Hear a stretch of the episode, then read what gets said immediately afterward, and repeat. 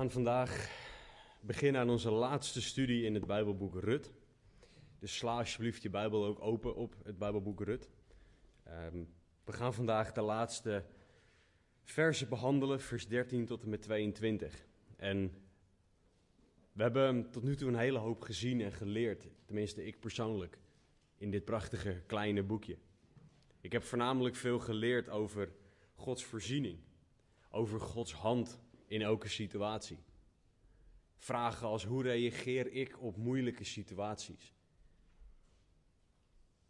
En dat is heel confronterend, omdat wij altijd dingen tegenkomen. En de vraag dan is: zijn mijn ogen op God gericht of op de omstandigheden?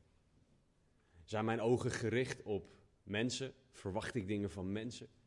Of verwacht ik dingen van God?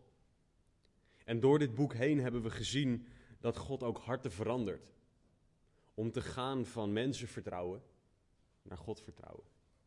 Om te gaan van kijken naar omstandigheden naar kijken naar God. En vandaag gaan we deze laatste versen behandelen, maar ik wil ook een aantal dingen steeds teruggrijpen uit het boek, zodat we de grote lessen die hierin zitten samen nog een keer kunnen bekijken, zodat we ervan kunnen leren. En om kort terug te grijpen op vorige week. Vorige week is er heel plat een transactie gesloten. Er is gewoon gezegd: ik betaal voor het land en ik krijg er ook nog twee vrouwen bij. Heel plat is dat wat er gebeurde. Maar de geestelijke betekenis is veel groter. We hebben een man gezien die door God gebruikt werd om Gods wil en Gods woord te vervullen. Boas was bereid om de prijs te betalen voor het doen van Gods wil. Rut en Naomi, die zijn gezegend door God op manieren die ze zelf nooit voor mogelijk hadden gehouden door deze transactie. We hebben gezien dat Gods hand in alles was. Aan het begin van het hoofdstuk 4 ging Boas naar de poort en toevallig, tussen aanhalingstekens, kwam de juiste persoon voorbij lopen. Dat is geen toeval, dat is Gods hand in de situatie. En we gaan vandaag zien waar dit allemaal naartoe werkt. Dat dit wat de, grote conclusie is van het boek Rut. Wat God geregeld heeft en waarmee hij uiteindelijk zegent. Dus ik wil jullie vragen om net zoals de afgelopen weken indien mogelijk te gaan staan en staande met mij samen het woord te lezen. Rut hoofdstuk 4, vers 13 tot en met 22. Daar staat, zo nam Boas Rut en zij werd hem tot vrouw en hij kwam bij haar. En de Heere gaf haar dat zij zwanger werd en een zoon baarde. Toen zeiden de vrouwen tegen Naomi, gelooft zij de Heere, die, het, die niet heeft nagelaten om u vandaag een losser te geven. Mogen zijn naam beroemd worden in Israël. Hij zal er voor u zijn om u te verkwikken en u in uw ouderdom te onderhouden. Want uw schoondochter die u lief heeft, heeft hem gebaard zij die beter voor u is dan zeven zonen. En Naomi nam het kind en zette het op haar schoot, en zij werd zijn verzorgster. En de buurvrouwen gaven hem een naam. Zij zeiden bij Naomi is een zoon geboren. En zij gaven hem de naam Obed.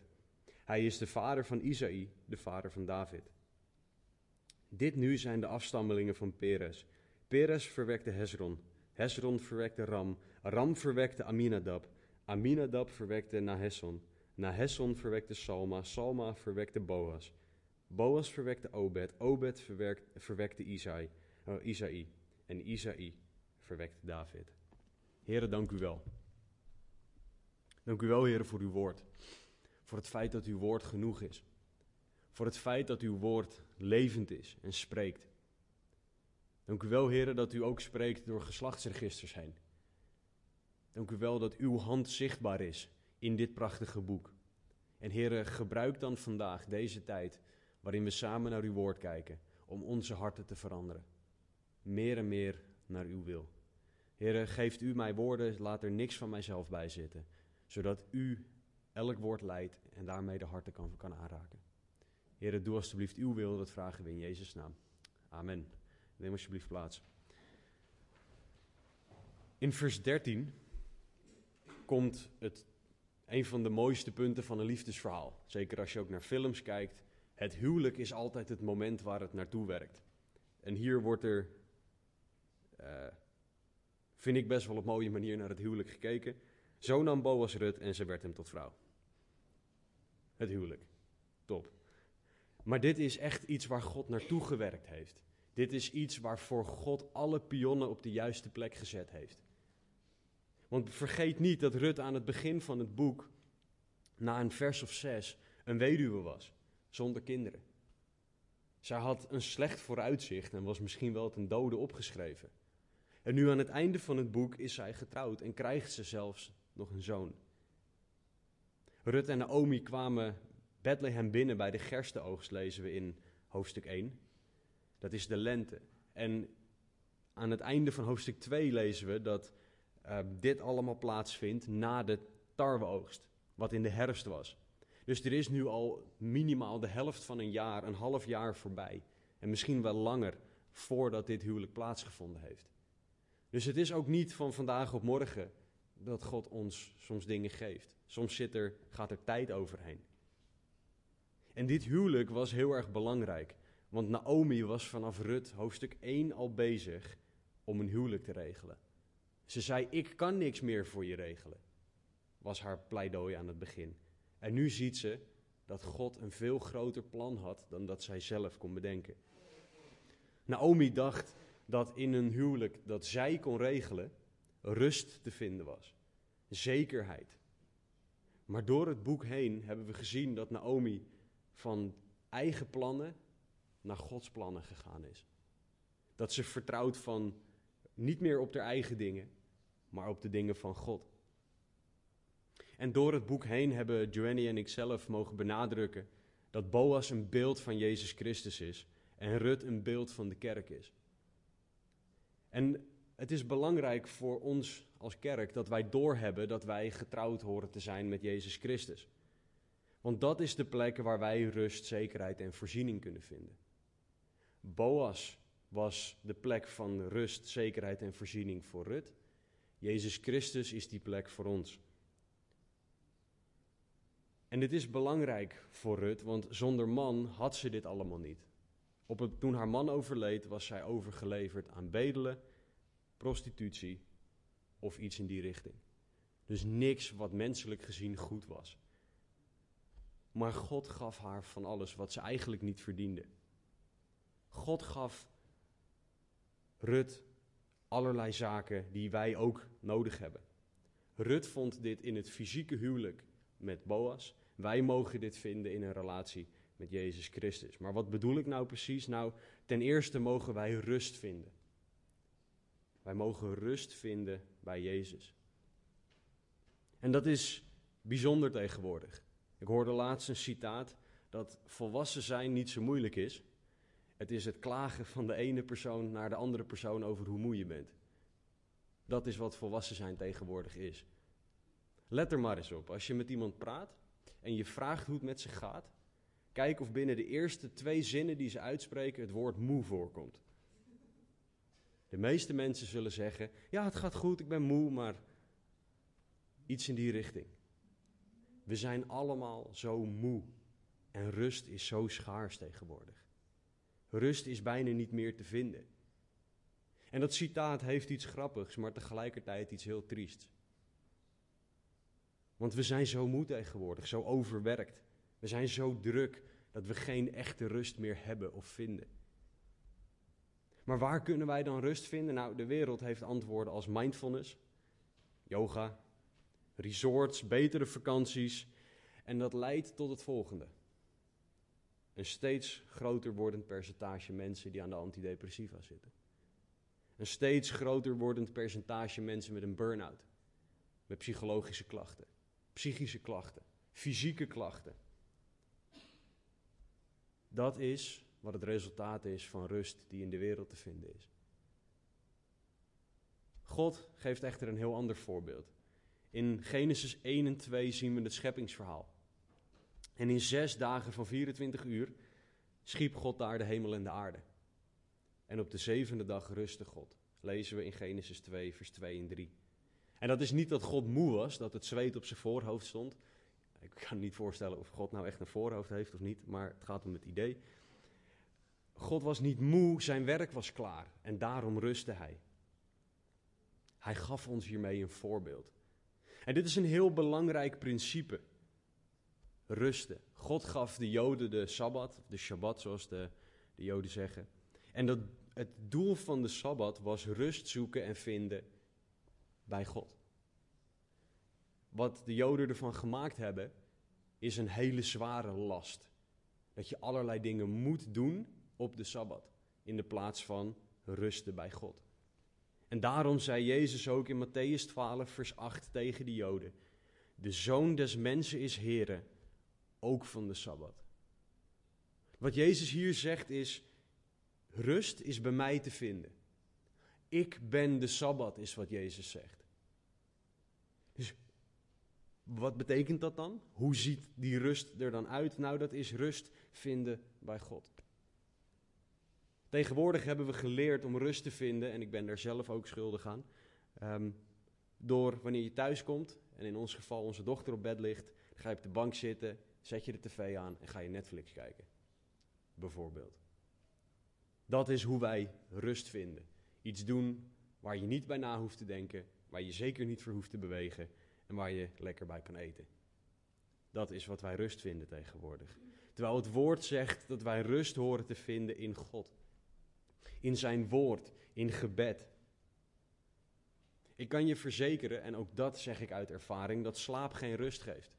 En dat klinkt heel stom, maar sinds ik minder slaap heb ik meer rust.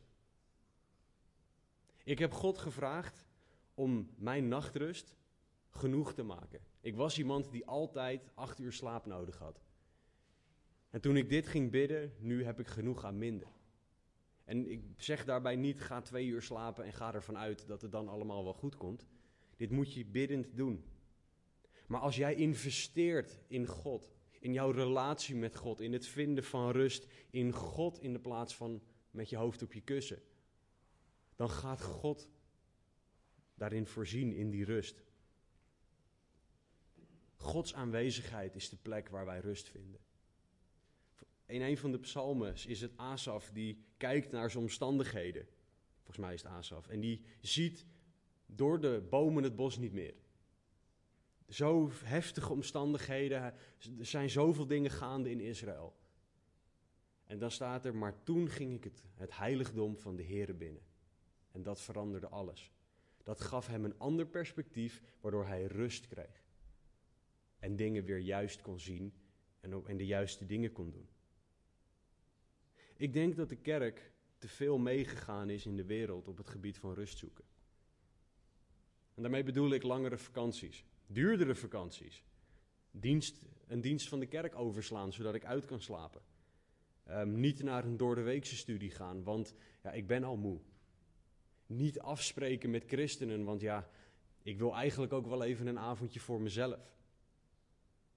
Allemaal dingen die wij doen om rust te vinden. Maar als je kijkt waar wij die tijd aan besteden, levert dat alles behalve rust op. Wij horen onze rust bij Jezus te vinden. Rut vond haar rust bij Boas. Jij en ik horen onze rust bij Jezus te vinden. En dat is de plek waar wij rust voor lichaam, geest en ziel zullen vinden. Want dat is wat we nodig hebben. Dus als jij dit bent, als jij moe bent, als jij de vraag beantwoordt hoe gaat het met je met goed maar moe, vraag dan vandaag om God, aan God om jou te leren rust te vinden in Hem. Dat is iets dat je moet leren, maar het zal je daadwerkelijk de rust geven die je nodig hebt. Vraag God om jou te leren rusten aan Zijn voeten.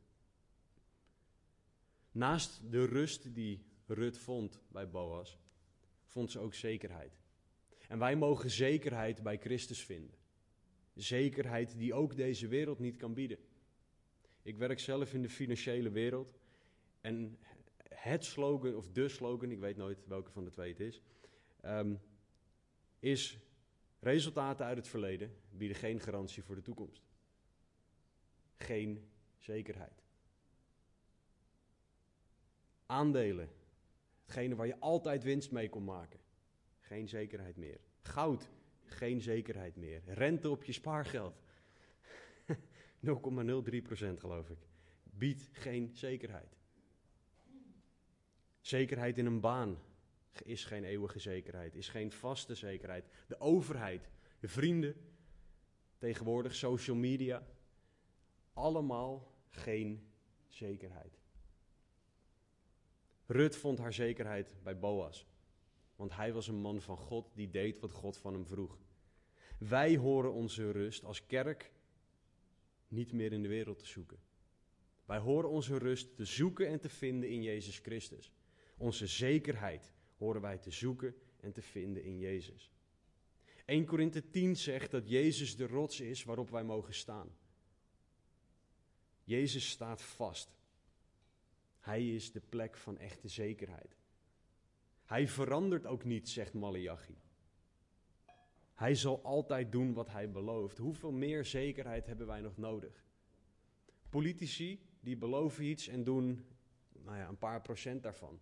En die, die willen dan betrouwbaarder worden.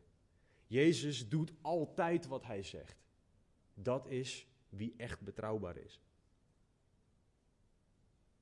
Laten we heel eerlijk zijn. Mensen stellen teleur. Ik stel teleur. Ik zal jullie ook op een dag een keer teleurstellen, want ik ben een mens die zondig is. Elk mens stelt teleur, maar daarom zegt Numeri ook: God is geen mens. Hij zal nooit teleurstellen. En ik denk dat het belangrijk is dat wij leren om onze verwachtingen bij te stellen naar wat Gods plannen zijn, dus wat zijn woord zegt, in de plaats van wat wij zelf als plannen hebben staan. God belooft zekerheid aan ons als christenen. Hij zegt niet, nou misschien als je een bepaald niveau bereikt hebt, als jij genoeg van de Bijbel uit je hoofd kent, dan ben ik misschien bereid om je zekerheid te geven. Jezus zegt in Johannes 5, vers 24: Voorwaar, voorwaar, oftewel luister goed. Ik zeg u, wie mijn woord hoort en hem gelooft die mij gezonden heeft, die heeft eeuwig leven en komt niet in de verdoemenis, maar is uit de dood overgegaan in het leven. Jezus maakt hier een definitief statement. Hij zegt, die heeft eeuwig leven, komt niet in de verdoemenis, maar is uit de dood overgegaan. Jezus zegt niet, kan, klinkt als, lijkt op. Nee, Jezus zegt, het is, heeft en komt niet.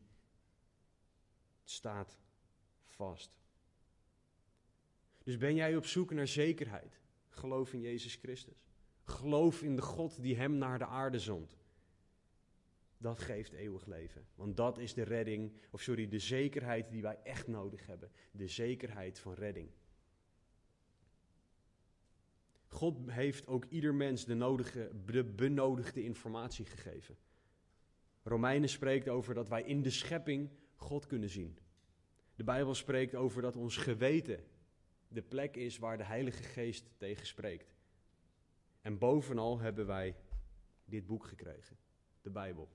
1900 pagina's in deze vertaling aan briefje uit de hemel van God. God heeft ons alle informatie gegeven die we nodig hebben om een keuze te kunnen maken die zekerheid kan bieden. En dit is een keuze met eeuwige gevolgen. Of de goede kant of de slechte kant op. Als jij de keuze maakt om in Jezus te geloven, gaat het de goede kant op met jou voor de eeuwigheid. En Jezus biedt de kerk hier zekerheid over aan. Rut vond haar zekerheid bij Boas. Bij een mens die Gods wil volgde. En Boas als beeld van Jezus Christus vertelt ons dat wij onze eeuwige zekerheid bij Jezus Christus horen te zoeken en daar mogen vinden. Zijn werk aan het kruis heeft voor ons eeuwige resultaten opgeleverd, waardoor wij zekerheid kunnen hebben. Dus Rut vond een aantal dingen bij Boas. Ten eerste vond ze rust. Ze vond zekerheid. En wat ontzettend belangrijk was voor haar in die tijd, was voorziening. En dat is voor ons ook belangrijk. De taak van Boas, de taak van elke man, zegt het woord ook, is om te voorzien voor zijn gezin. Dus Boas ging voorzien in de noden van Rut en Naomi. En als we dan weer het beeld leggen van Boas als beeld van Christus op onze situatie, dan zal Christus, zal Jezus voorzien in de noden van zijn kerk. Maar nou zeg jij misschien, ja, maar ik kom dit en dit tekort. Hoe voorziet Jezus dan? Een van de belangrijkste dingen is dat Jezus voorziet in wat Hij vindt dat wij nodig hebben. Niet in wat wij vinden dat wij nodig hebben. Dat zien we ook in de Evangelie. In Matthäus 9 komt Jezus bij een verlamde man. En wat is het eerste wat hij tegen deze man zegt? Je zonden zijn vergeven. Dat was onaardig. Jezus die had de macht om tegen die vent te zeggen: sta op. En hij zegt ten eerste: je zonden zijn jou vergeven. Waarom zou Jezus dat zeggen? Dat is omdat Jezus zich richt op wat echt belangrijk is. Namelijk zonde. In Matthäus 9, vers 6 zegt Jezus: Zoon, heb goede moed, uw zonden zijn u vergeven. Dat is het belangrijkste probleem dat Jezus aan kan pakken. En daarna, om te bewijzen dat hij die zonde kan vergeven, zegt hij ook: En sta op, loop. Maar wij moeten leren dat Jezus zal voorzien in dat wat wij het hardste nodig hebben, naar zijn mening. En in ons geval is dat ten allereerste vergeving van zonde. Dat blijft het belangrijkste probleem, omdat het ons eeuwig van God scheidt, zegt Jesaja 59. En Romeinen 6 zegt dat onze zonde de eeuwige dood teweeg brengt. En na de vergeving, waar die Hij al aan ons geeft, waarin Hij voorziet, geeft Hij ons verder wat Hij vindt dat we nodig hebben. Niet onze wensen, maar Hij geeft ons wat nodig is om een getuige van Hem te kunnen zijn. Op Zijn manier, op Zijn tijd. En dat betekent dus ook dat we genoeg van Hem krijgen. Dat is makkelijk zeggen als ik zelf niet dingen tekort kom. Maar het is een les aan ons allemaal om God te leren en te blijven vertrouwen. En om te leren zien dat wat God zegt dat genoeg is, dat dat ook genoeg is. Vergeet niet wat wij allemaal van God krijgen. God geeft ons meer liefde dan wij kunnen begrijpen, Romeinen 5. God geeft ons rust die alle verstand te boven gaat, Filippenzen 4. Jesaja 40 spreekt over kracht die wij mogen ontvangen als wij wachten op de Heer. Wij krijgen nieuwe barmhartigheid elke dag, zegt Klaagliederen 3. Johannes 3:16 spreekt over eeuwig leven. Dit zijn slechts vijf dingen die ik uit het woord gehaald heb. Maar de lijst met dingen die wij van God krijgen is ongelooflijk. Wij beseffen niet half hoeveel wij van God krijgen. En toch zeggen we tegen God: Ik wil graag meer. Kom maar. Waar zoek jij je voorziening? In een betere baan? In je huidige baan? In je salaris? In je eigen talenten? Of bij God? Kan jij tevreden zijn met wat God jou geeft? Of wil jij meer? Leg je leven in zijn handen en vertrouw op zijn voorziening. Rut had dat gedaan.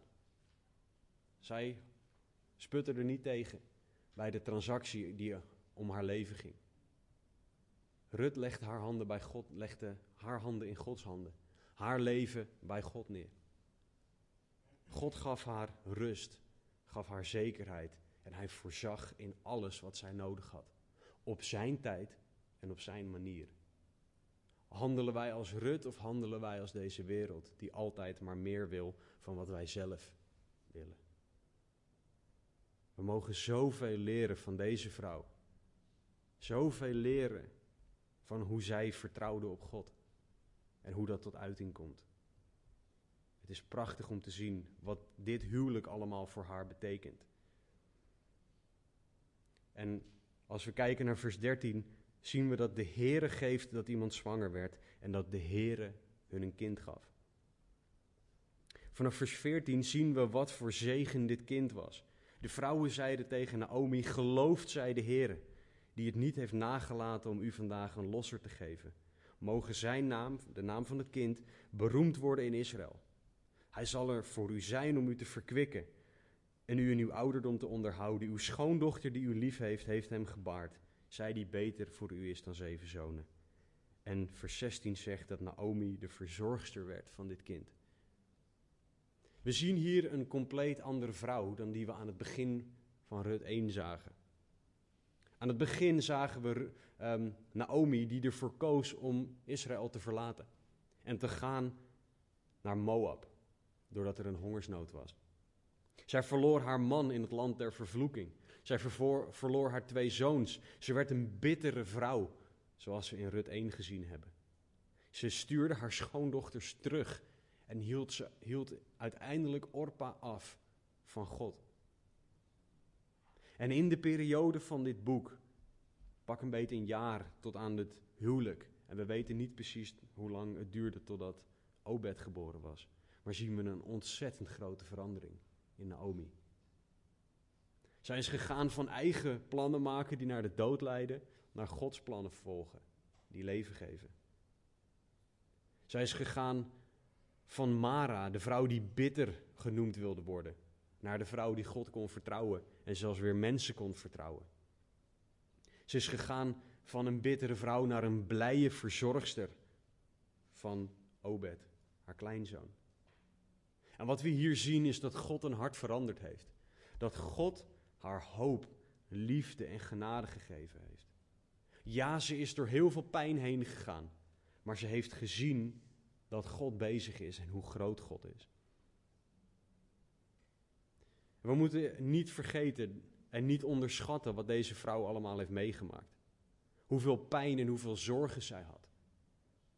Hoeveel verdriet zij gehad heeft om het verlies van haar kinderen. Hoeveel zorgen van kan ik wel voorzien? Heb ik nog wel wat te eten vanavond?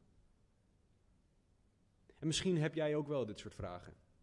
Misschien ga jij op dit moment door een periode van pijn heen. Door een periode van zorgen. Door een periode van verdriet of verlies. Of heel iets anders wat ik niet kan bedenken. Maar de vraag is, wat doe jij daarmee? Wat doe jij met de dingen die jou overkomen? Ga jij daarmee naar God toe? Leg je het aan zijn voeten neer in gebed, keer op keer op keer, als je het niet voelt, als je het niet meer weet, als je het niet meer ziet zitten? Of word je boos? Word je verbitterd? Warren Wiersbe heeft het volgende citaat gegeven. Te veel van Gods kinderen zijn tevreden met leven in hoofdstuk 2.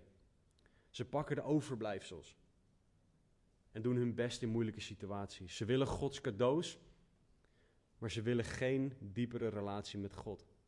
Wat voor verschil zou het maken als zij zich over zouden geven aan de Heer en zich zouden richten op de gever in de plaats van de cadeaus?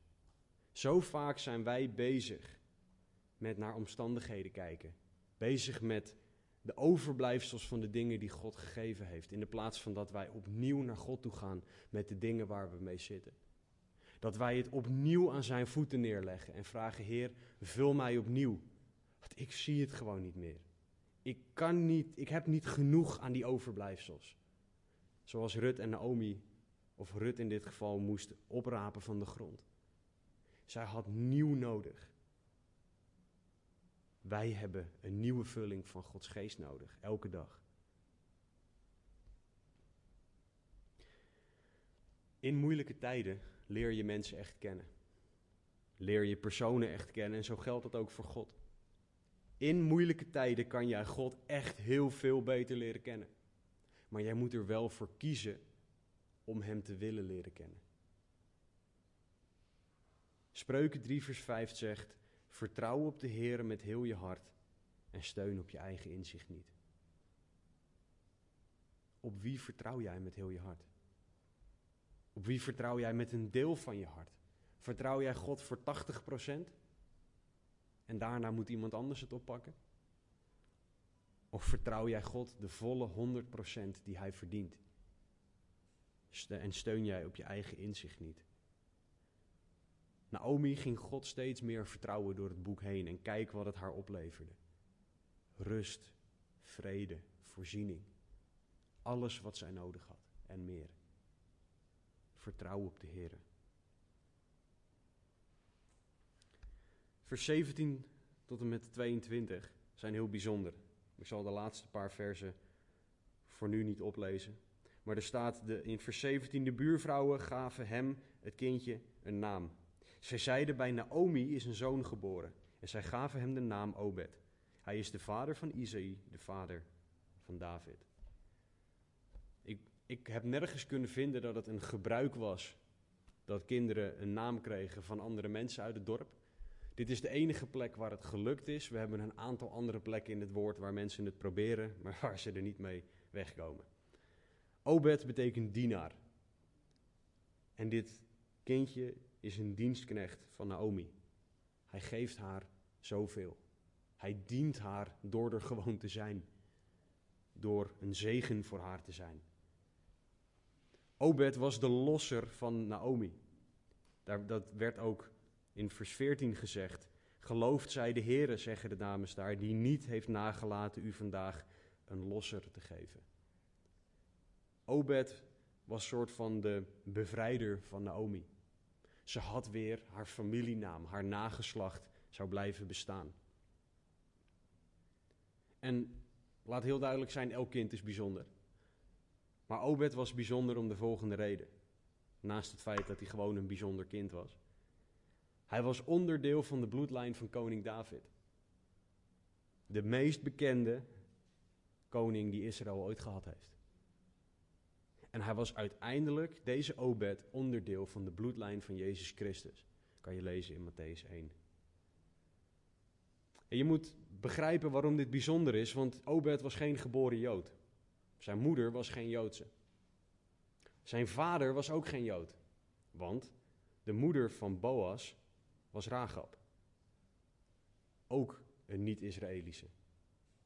Dus je hebt hier in de bloedlijn van de belangrijkste koning die Israël tot op heden gehad heeft, koning David, omdat Jezus nog niet fysiek op de troon zit. En hij was geen Jood. Dat kan eigenlijk helemaal niet. Want in die tijd was het zo, God had gezegd dat David dan eigenlijk geen koning had kunnen zijn. En daar zien we Gods genade. Dat hij voorziet, doordat Obed gezien wordt als de zoon van Naomi, dat hij onderdeel is van de bloedlijn van Jezus Christus. En wat we hier zien is dat God alle dingen gebruikt. Romeinen 8, alle dingen werken mede ten goede. Dat is wat we hier zien. Gods hand in elke situatie. Hij leidt alles. En een van de manieren waarop wij kunnen zien dat God alles leidt, is door die saaie, droge, stoffige geslachtsregisters. Het is heel interessant om te horen hoe mensen reageren op geslachtsregisters. Zeker als ze wat langer zijn dan vier versen. Ehm, dan willen mensen ze vaak overslaan. Ehm, ik wil ze vaak overslaan omdat ik de namen toch nooit goed uitspreek naar Amit. Dus dat is dan altijd, dan gaat ze me zitten corrigeren. Um, maar de manier waarop wij reageren op geslachtsregisters vind ik altijd wel interessant. Maar een Bijbelcommentator, meneer Kittner, heeft gezegd: Gods hand is overal zichtbaar in de geschiedenis. God bereikt zijn doel generatie na generatie. Aangezien wij beperkt zijn tot één mensenleven, zien wij maar een klein deel van wat er gebeurt. Een geslachtsregister is een treffende manier om Gods continue plan door de eeuwen heen te laten zien. Het proces van de geschiedenis is niet lukraak. Alles heeft een bedoeling en die bedoeling is Gods bedoeling. Dus door dit geslachtsregister heen zien wij Gods hand, Gods werk. Gods hand was zichtbaar in het leven en door het leven van Rut. En God wil op deze manier ook zichtbaar zijn in en door jou. God heeft via Rut ervoor gezorgd dat zij een zoon uit de juiste bloedlijn kreeg. Dat Jezus een zoon uit de juiste bloedlijn was. Want ieder mens kan zich hierdoor herkennen in Jezus. Jezus was niet perfect van koninklijke bloeden geboren in een schaal van goud of zo. Jezus is in een stal geboren. Hij had zondaars in zijn bloedlijn zitten, die eigenlijk helemaal niemand wilde. En Jezus zegt: Ik wil onderdeel zijn van jullie, van jullie DNA. Jezus' bloedlijn was een samenraapsel van mensen die soms gewild waren, soms niet, maar zondaars, zoals jij en ik. Boas is een onderdeel van deze bloedlijn. En ik vind Boas een heel interessante man. Want Boas, die verloste Naomi en Rut door als losser, door degene die de prijs moest, of mocht betalen, door dat te doen. Hij heeft betaald om zijn eigen leven moeilijker te maken.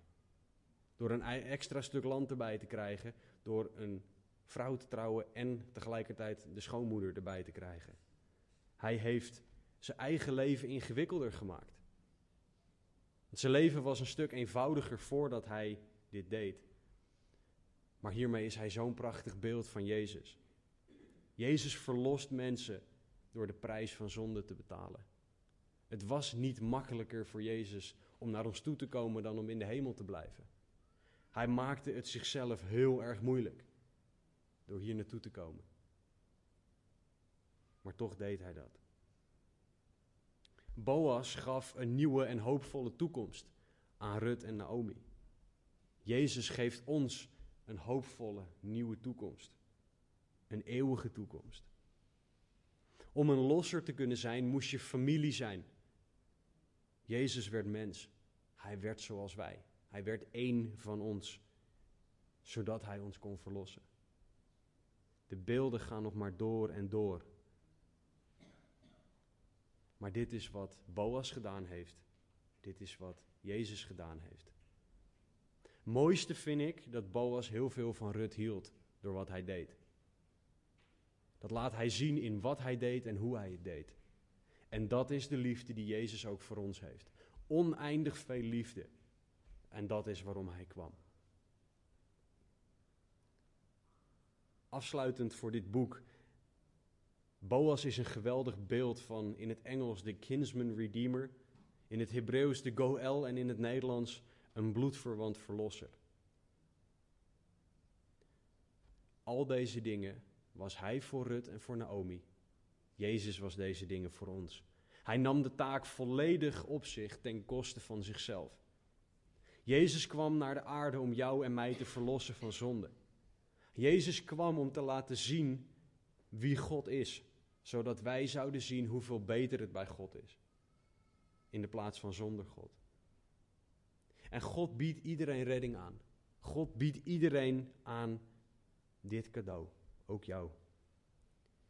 En dan gaat het er niet om of je het eerder aangenomen, sorry, eerder aangenomen hebt of niet. Het is belangrijk dat wij dagelijks het offer van Jezus Christus aannemen.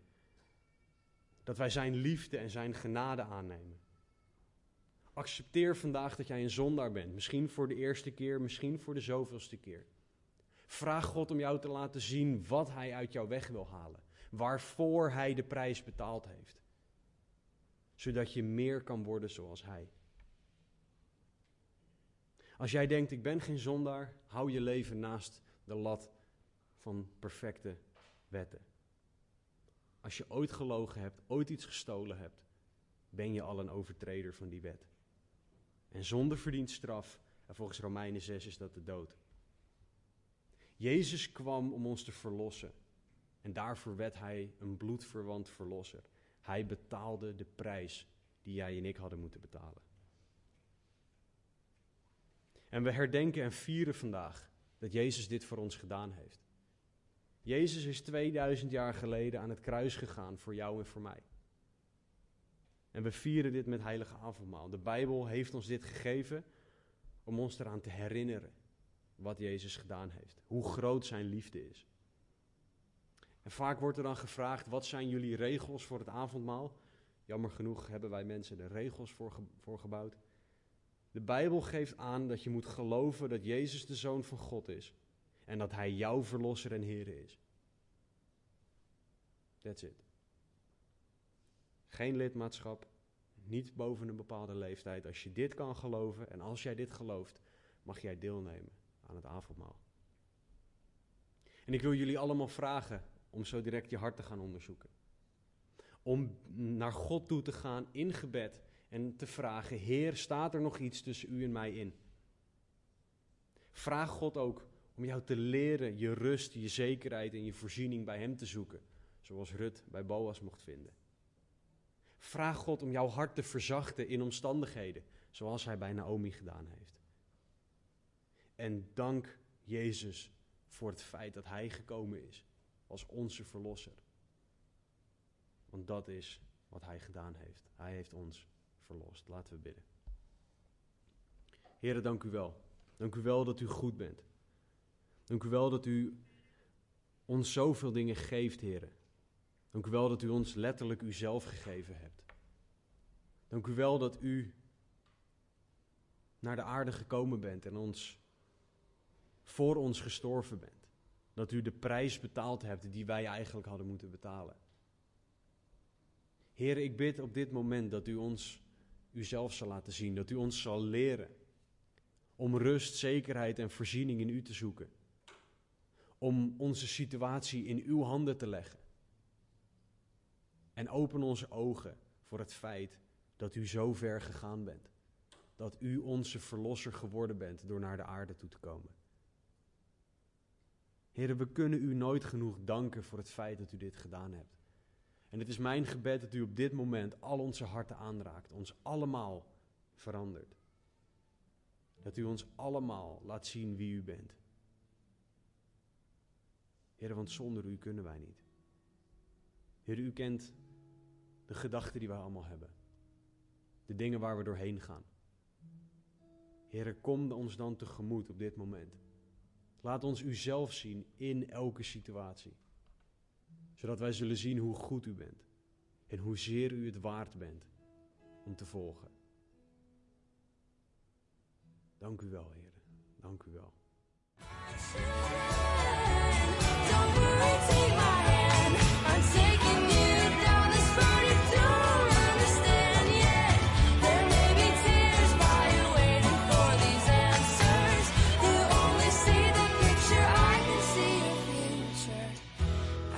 tell you right now, it's gonna be all